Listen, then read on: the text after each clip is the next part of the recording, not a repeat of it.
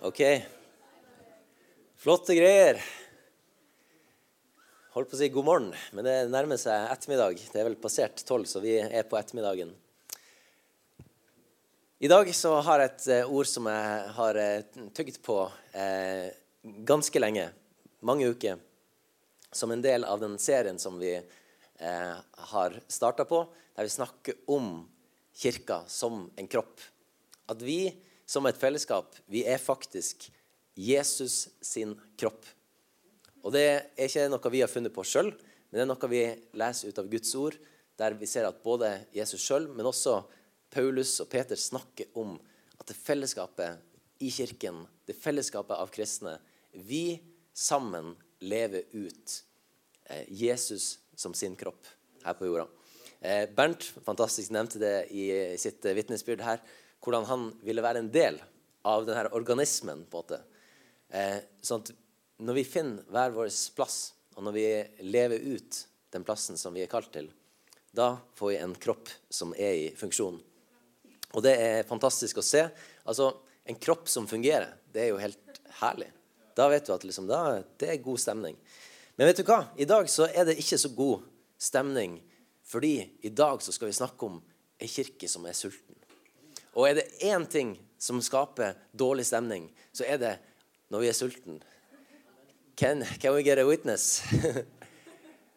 når du sitter der med skrubbings i magen, det er tomt, det rumler, og du prøver å fokusere, du prøver å få med deg det som skjer, men egentlig så er det noe annet som, som foregår inni, for du mangler næring. Og det, det blir egentlig en ganske bra og oppbyggelig preken. Da. Så du må ikke være liksom Å, shit, skal vi liksom snakke om eh, eh, trasige greier? Nei, vet du hva? Det som jeg skal dele i dag, det kommer til å være til oppbyggelse til hver og en av oss. Og eh, Vi skal starte med det verset som Paulus skriver i Efeserbrevet kapittel 5, vers 30, der han sier at man gir kroppen næring og pleier den på samme måte som Kristus gjør med kirka. For vi er lemmer hans kropp. I forberedelsen til den prekenserien så var det her noe som eh, kan du si, hoppa ut av Bibelen. Jeg vet ikke om du har opplevd det mange ganger når du sitter og leser i Bibelen. Og det kan være et sted som du har lest flere ganger før. Men på en eller annen måte så er det eh, Guds ånd i deg Det som han streker under mens du leser det. Det er én ting som på en måte blir ekstra synlig. Som du kanskje har skumma forbi før. Og det her var en av de tingene som, som jeg opplevde. At det her hoppa ut av teksten. Det her ble understreka av Den hellige ånd mens jeg leste. At ja, vi er kirka. Vi er Jesu kropp.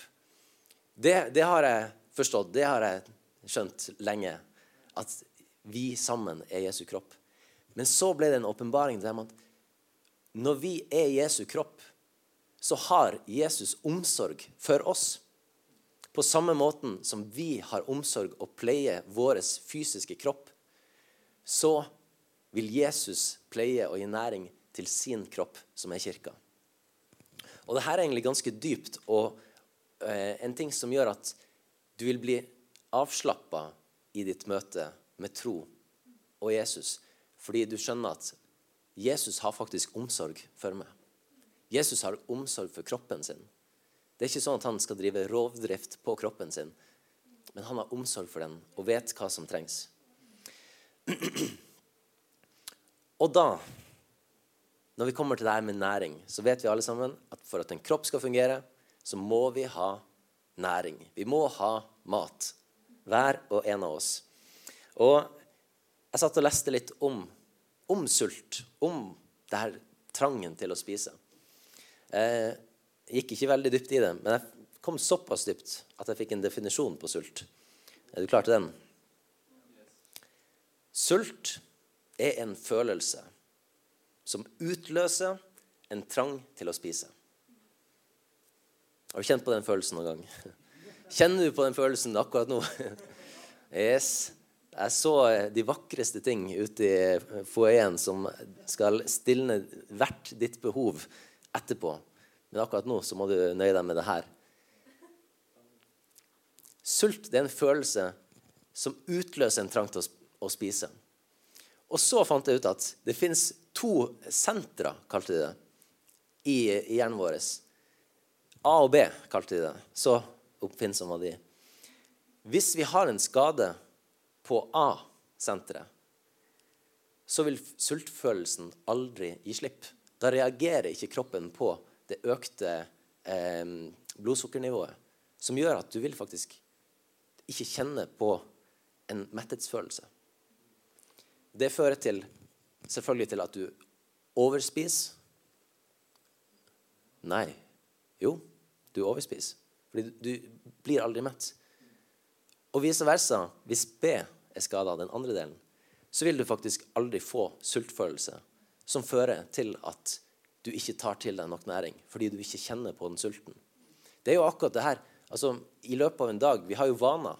Eh, og du, kroppen din venner seg jo til den vanen. Og Det er jo når du kjenner at 'nå er jeg sulten', 'nå går jeg og spiser'. Så det er en reaksjon egentlig på det som skjer i kroppen. Kroppen gir et signal om at 'jeg trenger å få næring'. De siste ukene eh, så har jeg og kona hun Karina vi har sett en del dokumentarer om eh, krig. Første verdenskrig, andre verdenskrig. Og eh, en ting er jo alle grusomhetene som skjer. Alle, alle krigsforbrytelsene og, og, alle livene som har gått tapt i en så meningsløs, eh, grusom kamp. Men det som var interessant, det var jo å se hva slags metoder man brukte. F.eks. det her med at hvis du ville sørge for å effektivt ta ut veldig mange av fienden, så måtte du sørge for å ødelegge logistikken og transporten deres. Fordi Det hjalp ikke å ha en million mann ute på slagmarka hvis ikke det toget med mat kom fram til dem. Da ville de folkene ikke funke bra i krigen etter noen uker. Så Det var et av de mest strategiske, viktige tingene. Det var Hvordan kan vi forhindre at folkene får mat? Hvordan kan vi forhindre de her ifra å få det som kroppen deres, deres trenger? Og jeg tror på samme måte som vi leser i Bibelen, at det står om djevelen at han ønsker bare å stjele og myrde og ødelegge. Og en av de måtene han best gjør det på, det er med å sørge for at matrasjonene våre til kroppen, til kirka, til deg som en, en etterfølger av Jesus, at de stopper opp, at de sporer av langs veien, og at de ikke kommer frem. En utrolig effektiv måte å få et kristent liv til å utsultes. En annen ting Det var en nyere historie. Det var fra Irak tidlig på 2000-tallet. Så var det, det var ofte eh, at det var demonstrasjoner, og det ble sånn opprør, riots, i en by som heter Kufa, en liten landsby i Irak. Så var det en amerikansk general som ble sendt dit og fikk ansvar for å, å prøve å håndtere det her. Og det som han gjorde, da Han så på overvåkningsbilder fra de forrige gangene det hadde vært opprør. Og så så han det at det, Vanligvis så kommer det noen folk samler seg på plassen. Så kommer det flere, så kommer det flere, og så kommer det kebabvogner, og så kommer det det ene og det andre. Og til slutt så er det noen som kaster ei flaske eller gjør et eller annet, og så blir det liksom bryter ut i full kamp. Og denne mannen han var en ganske enkel mann. jeg leste om Han Han var, så på seg sjøl som at han var ganske enkel. Hvis jeg ikke hadde blitt med i Hæren, så hadde jeg sikkert solgt eh, amfetamin. Og sånn, OK, ja. du er der, ja. Nå leder han en stor armé. De var på over 800 mennesker. Men det han gjorde Han skjønte en ting. Han skjønte det her som de hadde skjønt i krigen tidligere. At hvis vi bare tar bort de her kebabvognene, alle de her mat, mathandlerne på torget der, så skal vi se hva som skjer. Så han prata med ordføreren i byen, spurte om kan vi ikke få et forbud mot matvogner på dette stedet. Han gjorde det. Og så kom neste uke. Det begynte å samle seg folk igjen. De møtte opp. Flere og flere kom til der, og de begynte å samle seg for å demonstrere. Og så begynte folk etter hvert da utpå ettermiddagen å liksom hvor er, hvor er kebaben? Hvor er vogna? Hvor er han som sto her i forrige uke og ga oss mat? Det som skjedde Litt etter litt forlot folk én etter én etter én. Og til slutt, klokka var åtte på kvelden, det var helt stilt. Så effektivt. Han gjorde én endring. Han sørga for at maten ikke var til stede. Og så var alt lagt flatt. Mat er utrolig viktig. Og for oss som en kirke så er det viktig at vi tenker på hva er det slags mat vi får. Hva er det slags mat vi tar til oss? Har vi maten tilgjengelig? Lar vi maten bli stoppa? Er det noe som hindrer oss ifra å ha et godt kosthold? I Salme 23 så står det i vers 5 Det eh, David som skriver der. At du dekker bord for meg, rett foran mine fiender. Du salver mitt hode med olje. Mitt beger flyter over. Sannelig, bare godhet og miskunnhet skal etterjage meg alle mitt livs dager, og jeg skal bo i Herrens hus til evig tid. Det er et, et, eh, stort, et stort verk, denne salmen som David skriver. Men han skriver det her om at Gud dekker bord. Gud har noen ting som vi skal få lov til å sette oss ned og spise. Og han, ikke bare det, men han sier det rett foran mine fiender. bare for å illustrere her at Satan, du kan prøve så godt du bare vil, men vår Gud, han dekker bord for oss. Han dekker bord her inne i dag. Her inne i dag så er det ting som du skal få lov til å spise og ta til deg. Og det er to ting, to ting som kan skade kirka. Det er to ting som kan skade kroppen spesielt. Det ene er utsulting. Hvis vi rett og slett bare ikke får tak i maten. Hvis vi ikke får den næringa vi trenger. Det andre er hvis vi har feilernæring. Hvis maten som vi får til oss, maten som vi tar til oss, hvis den ikke er god. Hvis det ikke er de næringsstoffene som vi faktisk trenger for å leve. Det nytter ikke å spise masse mat hvis den maten til slutt kommer til å ta livet av deg. Da kan du spise så mye du bare vil, og kanskje kjenner du aldri på en, en, eh, sultfølelse fordi du har så mye mat. Men hvis det er en mat som ikke er god for kroppen, så vil ikke det vare i lengden. Så vi er nødt til å kjenne menyen. Vi er nødt til å vite hva er det Gud vil at vi skal spise. Hva er det Gud serverer til oss? Hva er det vi som kirke og som enkeltpersoner kan velge sette oss ned og plukke ifra dette bordet som Gud har dekt for oss? Så i dag så skal du få en meny servert. Du skal få fire matretter, eller eh, livretter. Du vet, er det noen som har en livrett? Ja? Nei, du har ikke det. Det er bare én rett som kan gi liv, og det er Jesus Kristus. Kom an. Ja, det var, det var, så tørt som det blir, altså. Jeg vurderte et par andre vitser, men, eh, men det var det beste jeg kunne komme opp med. Da vet du hvor nivået ligger.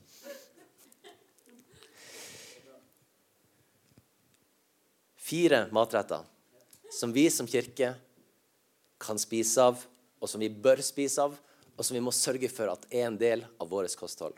Ok, Er du klar? Nummer én. Nummer enos, det er Guds ord. Guds ord, Bibelen, det skrevne ord, som vi tror at det er Guds ufeilbarlige ord til oss. Gud åpenbarer seg i sitt ord. Og eh, vi trenger som kirke å kjenne Guds ord. Vi trenger å vite hva som står i Guds ord, hva som er Guds vilje. Og den viljen har han åpenbart i sitt ord. Og eh, det her er det som, en, det som brødet, det som brødskiva. Den er, må være en del av vårt kosthold. Den er nødt til å være et sånt basisfundament som vi går til hver eneste dag. Noe som er en del av kostholdet vårt. I Hebreerne 4,12 så står det at Guds ord er levende, virkekraftig og skarpere enn noe tveegga sverd og det trenger gjennom til det kløver sjel og ånd, marg og bein, og det dømmer hjertets tanker og planer.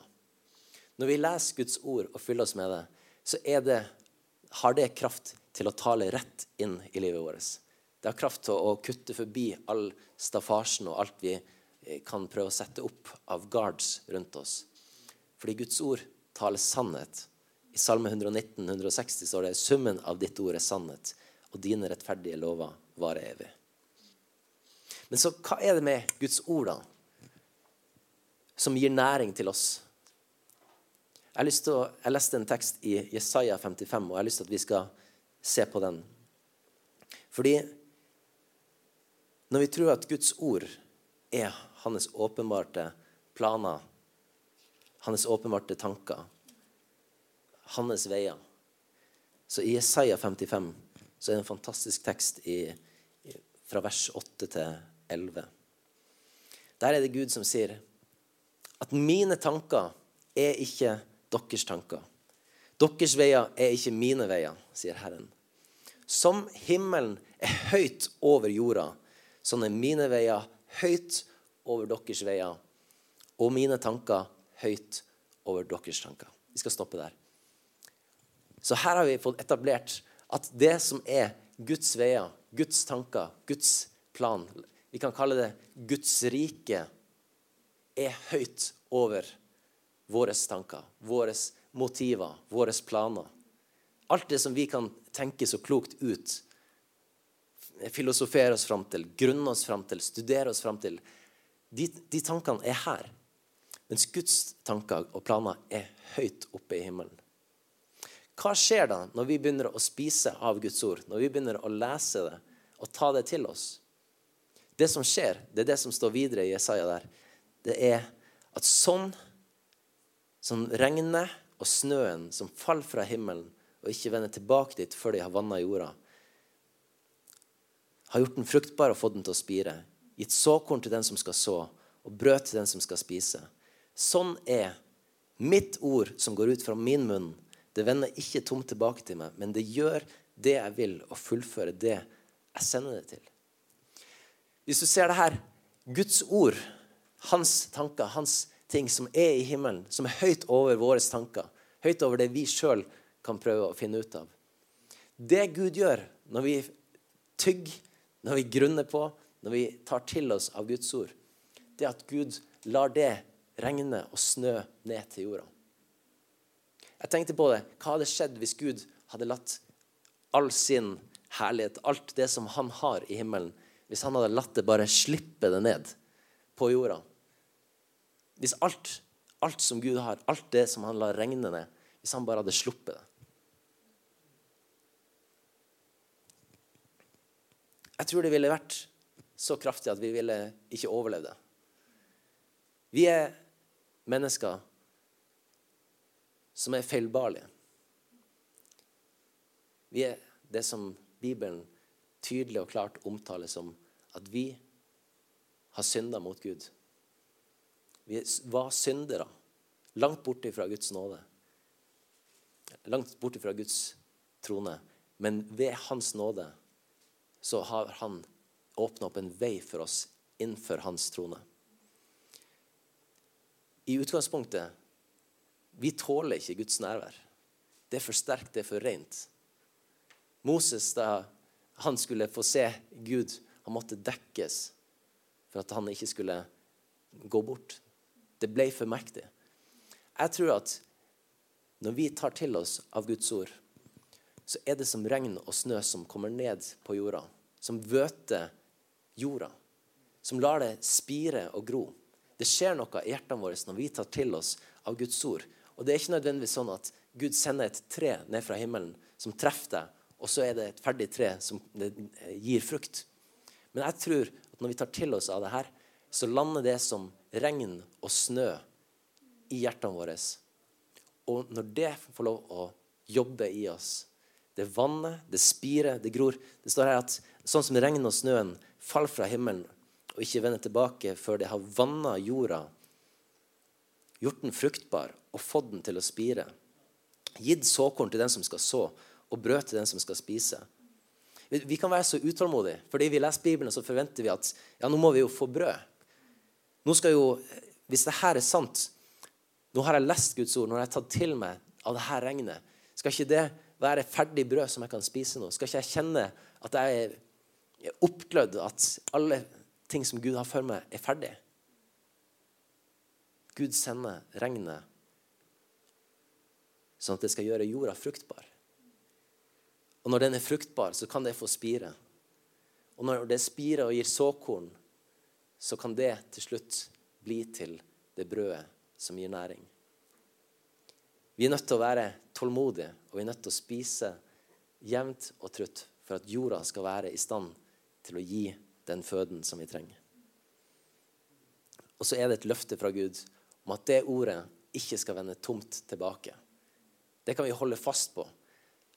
Han sier at 'det vender ikke tomt tilbake til meg', men det gjør det som jeg vil, og fullføre det jeg sender det til. Er ikke det fantastisk å vite at når vi spiser av Guds ord, så skjer det ting på innsida. Det skjer, skjer ting med oss. Det forandrer oss fra innsida og ut. Sakte, men sikkert i den tida som Gud har for oss.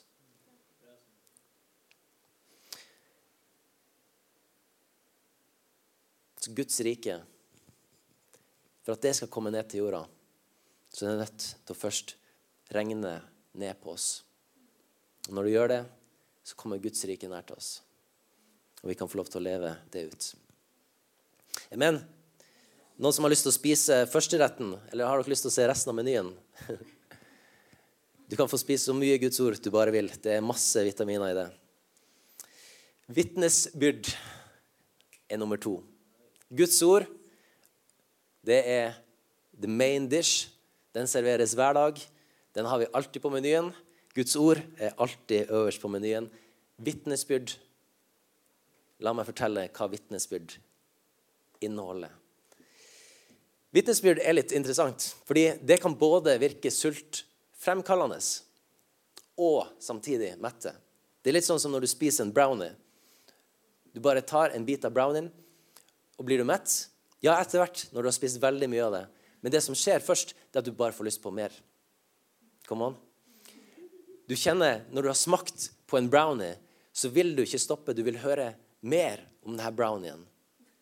Vitnesbyrd La, la oss ikke spore av. Men, men vitnesbyrd på samme måte, når vi hører om hva Gud gjør i andre mennesker sine liv, så er det både noe som skaper en metthet.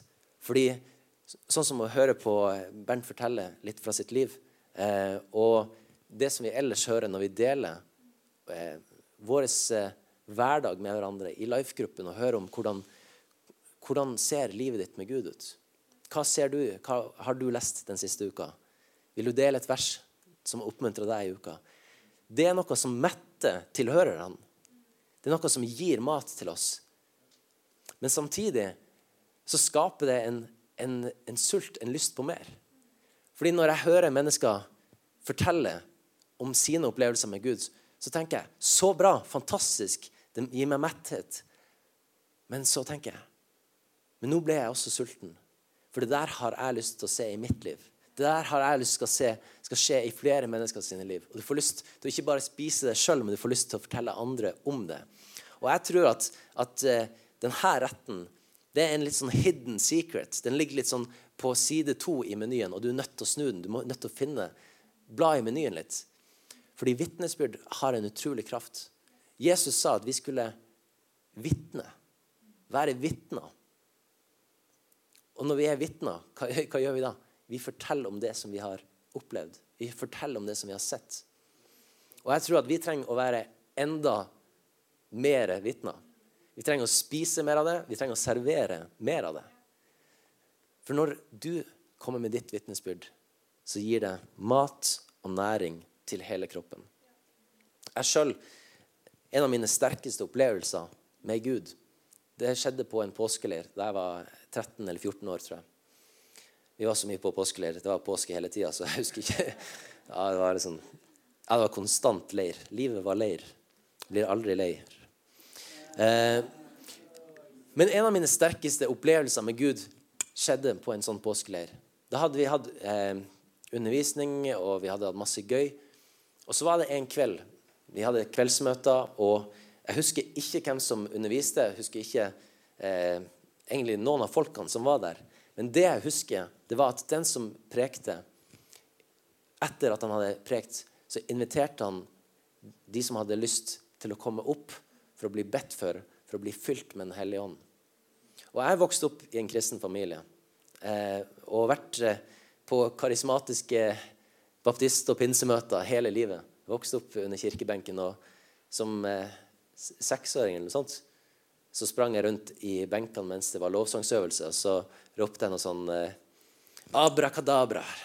Abrakadabra. For det var sånn, Jeg hadde hørt liksom, så mye interessant tungetale. og tenkte at liksom, Så jeg og storesøster vi sprang liksom Abrakadabra. Halleluja. Amen. shikabahaya, shikabahaya. Vi hadde liksom eh, fått med oss at det var sånn man gjorde det. liksom. Så du kan si jeg hadde tidlig, tidlig den eh, gaven til tungetale. Eh, men der som 13-14-åring på denne leiren, det var der jeg virkelig ble fylt av Guds ånd.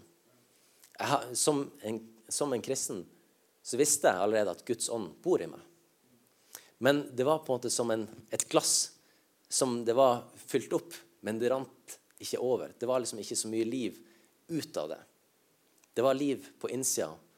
Men der på den leiren, der jeg ble bedt for. Det er eneste gangen så langt i livet mitt at jeg har opplevd at når jeg ble bedt for, så ga føttene mine etter, og jeg ramla på gulvet. Og ble liggende i over en halvtime på gulvet der. Og bare Det var så mektig. Og det, det var ikke en sånn eh, Dette har jeg sett på amerikansk TV, så det er lurt å dette, fordi da har du liksom ekstra, liksom ekstra opplevelse av Gud. Det var helt reelt, det jeg kjente på. At der og da så trengte jeg bare å ligge i Guds nærvær og kjenne at han fløyt over hele kroppen min. Og Da ble jeg fylt av Guds ånd. Og, og det her det er noe som er, I ettertid så tenker man på måte Har, har kristenheten i landet, i verden, i Vesten blitt litt redd for å være sårbar? Har vi blitt litt redd for å gjøre ting som ikke er A4. Da. Vi kan tenke vi kommer på gudstjenester, og, og, så oppfører vi oss som om vi er på en jobbkonferanse. Vi, vi setter oss ned og oppfører oss ordentlig og nikker og smiler og, og drikker kaffe og spiser. Men det er så mye mer for oss. Og jeg tror det at når vi deler av våre egne personlige opplevelser med Gud, så er det noe som skaper også en, en sult, en hunger etter mer. Nå er det ikke sånn at, at uh, du må komme fram, bli bedt for, dette i bakken for å bli fylt med Den hellige ånd. Det er absolutt ingen oppskrift på det. Det eneste vi leser i Guds ord, det er at det skjer ved håndspåleggelse. Det skjer i forbønn. Og hva som skjer resten, det, det, vil være forskjellig fra folk til folk. Og hvordan man opplever det i etterkant. Jeg opplevde der og da å få tungetalen, og at det begynte å, å boble på innsida. Når jeg lar Ånden tale, så kommer det ord som jeg ikke forstår, men som jeg kjenner gjør meg mett. Noen av de beste opplevelsene i bønn som jeg har, det er når jeg står i dusjen og ber i tunge. Da kjenner jeg at det er som å, det er som å spise eh, Det er som å spise på den saftigste biffrestauranten i byen. En saftig biffrestaurant. Saftig biff på restaurant. Du får liksom ordentlig, ordentlig god, dyp næring. Så det tror jeg at vi trenger å tygge mer på. Dele vår historie, dele våre opplevelser, og også snakke om de tingene. Snakke om ja, hva har du opplevd? Hvordan opplevdes det for deg?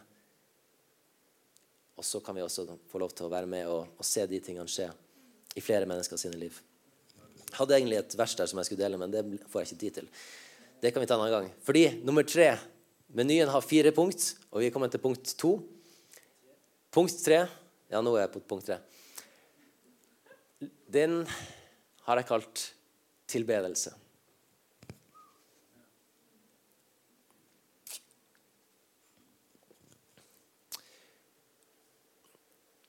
Når vi står innenfor Guds trone i tilbedelse, når vi kommer framfor Gud, sånn som vi gjorde her i sted, så er det rett og slett en livrett som Gud serverer til oss.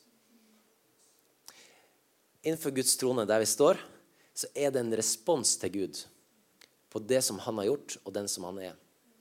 Jeg tror at jo mer vi ser av hvem Gud er, og hva han har gjort, jo sterkere vil vår respons være. En som har sett mye av Gud, vil gi en sterk respons på det. Og Det betyr ikke at man vil eh, utøve det likt, men fra hjertet så vil det være sterk, et sterkt ønske om å gi en respons til Gud. Det vil være et ønske om å si takk til Gud. Og når vi sammen som kirke gjør det, så er det sterkt. Det er når vi ser på, når ser på skaperverket rundt oss, fjellene og alt, sola Hallo, vi har fått sol igjen.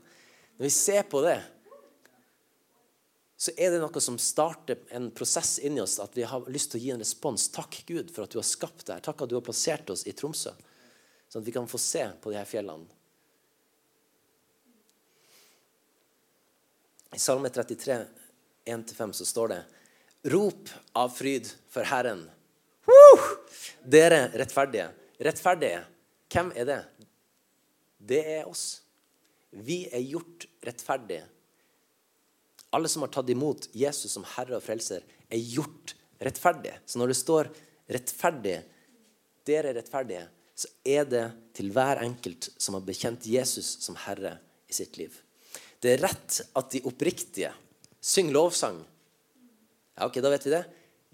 Det er rett. Det er en livrett, til og med. Pris Herren til lyre Akkurat det instrumentet mangler vi. Og ti strenger harpe. Det kommer neste uke. Syng en ny sang for ham. Spill vakkert og rop med jubel, for Herrens ord er sant. Alt han gjør, kan en stole på. Han elsker rettferdighet og rett. Jorda er full av Herrens godhet. Her har vi rett og slett servert en meny på tilbedelsen som en respons på Guds ord. Som en respons på at Herren er til å stole på. Alt det som han gjør, alt det som han er. Da er det rett for oss å spille og rope og synge og tilbe. Og tilbedelse, vet du Du har kanskje kjent det sjøl. At det skjer ting ikke bare i hodet ditt, men i kroppen. Fordi tilbedelse handler ikke bare om det teoretiske som vi gjør. Når vi ser eh, teksten på skjermen, memorerer teksten, synger teksten, så er det noe som skaper tro og en proklamasjon som vi felles står for. Det er som nasjonalsangen til et land. Man samler seg rundt en tekst, samler seg rundt en proklamasjon, og som en nasjon så står man og synger den sammen. Når vi synger lovsanger, så er det litt på samme måten at vi samler oss rundt den teksten her og proklamerer den ut og synger den ut. I tillegg til det så er det sånn at Gud, som er skaper av alt liv, han har skapt oss sånn at vi resonnerer, vi responderer på musikk. Altså Livet uten musikk Altså, nå er vi jo i, i, et, i et, teknologisk eh, århundre der vi har musikk stort sett hele tida rundt oss. For 50 år siden så hadde de ikke Sonos på badet. Jeg vet ikke hva de gjorde der inne da. Men så Musikken omfavner oss rundt på alle kanter fordi den gjør noe med oss. Og de her tonene det her er ikke noe nytt. Men David spilte på harpa, og hva skjedde? Saul ble Hans eh, hva det står, hans ånd, hans sjel, ble eh, avslappa. Den roa seg ned. Han var urolig. Men det er noe i oss som også responderer på de tonene som vi spiller. Og Der tror jeg vi bare kan få lov til å kjenne at når vi tilber, så metter Gud oss. Han, han gjør at Yes, nå kjenner jeg at nå tygger jeg, nå spiser jeg.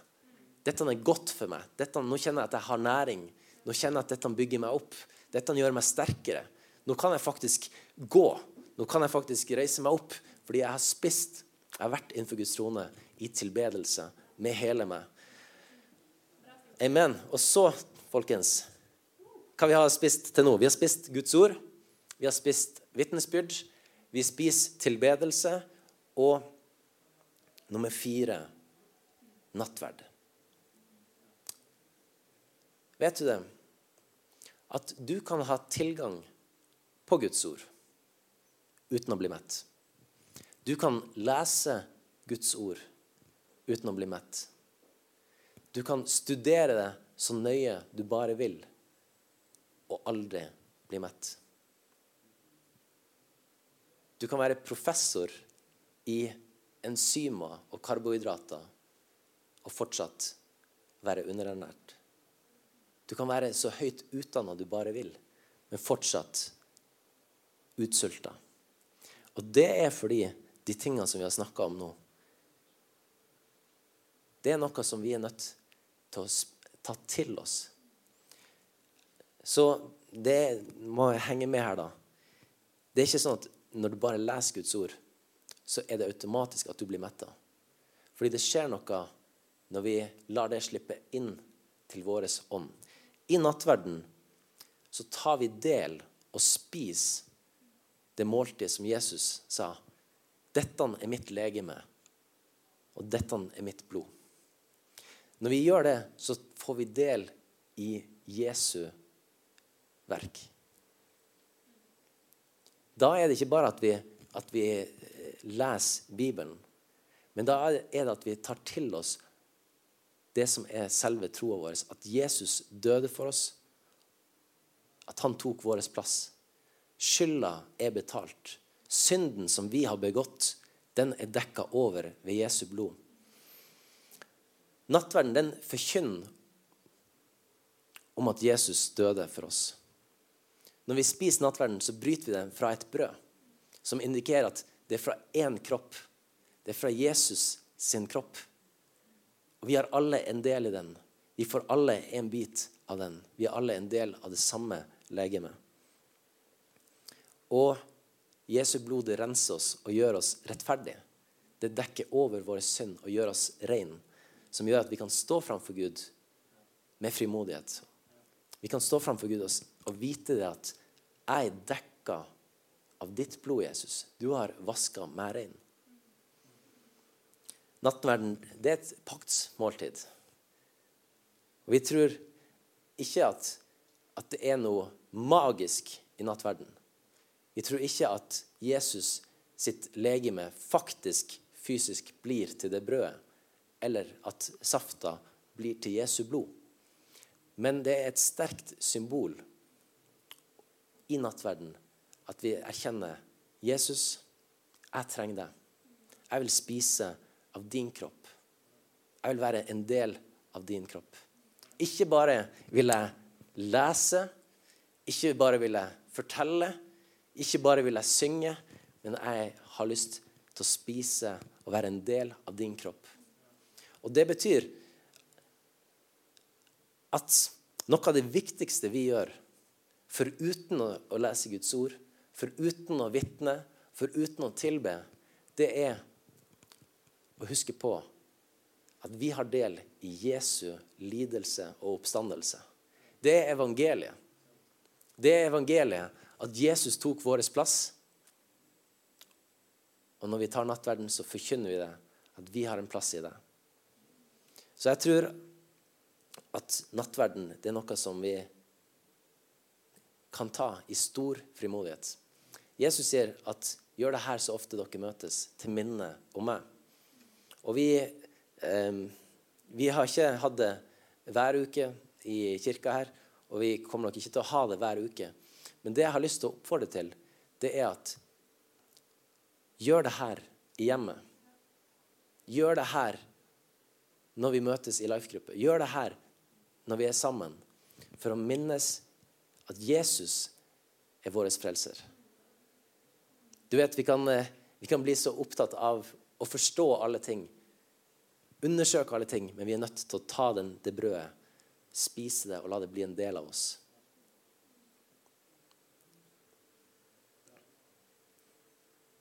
Vi skal ta nattverden sammen nå.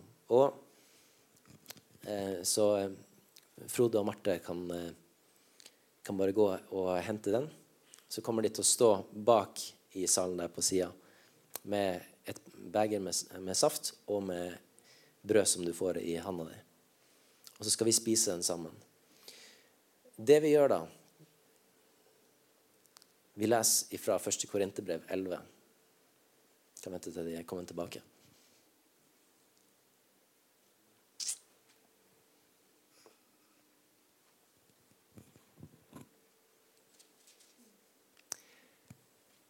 Det her er, når vi gjør det her, så er det til minne om det Jesus har gjort for oss. Det er selve sentrumet for vår tro. Eh, og dette kan også være din bekjennelse på din tro. At du sier, 'Jesus, jeg vil ha del i deg.' Jeg vil være en del av din kropp.'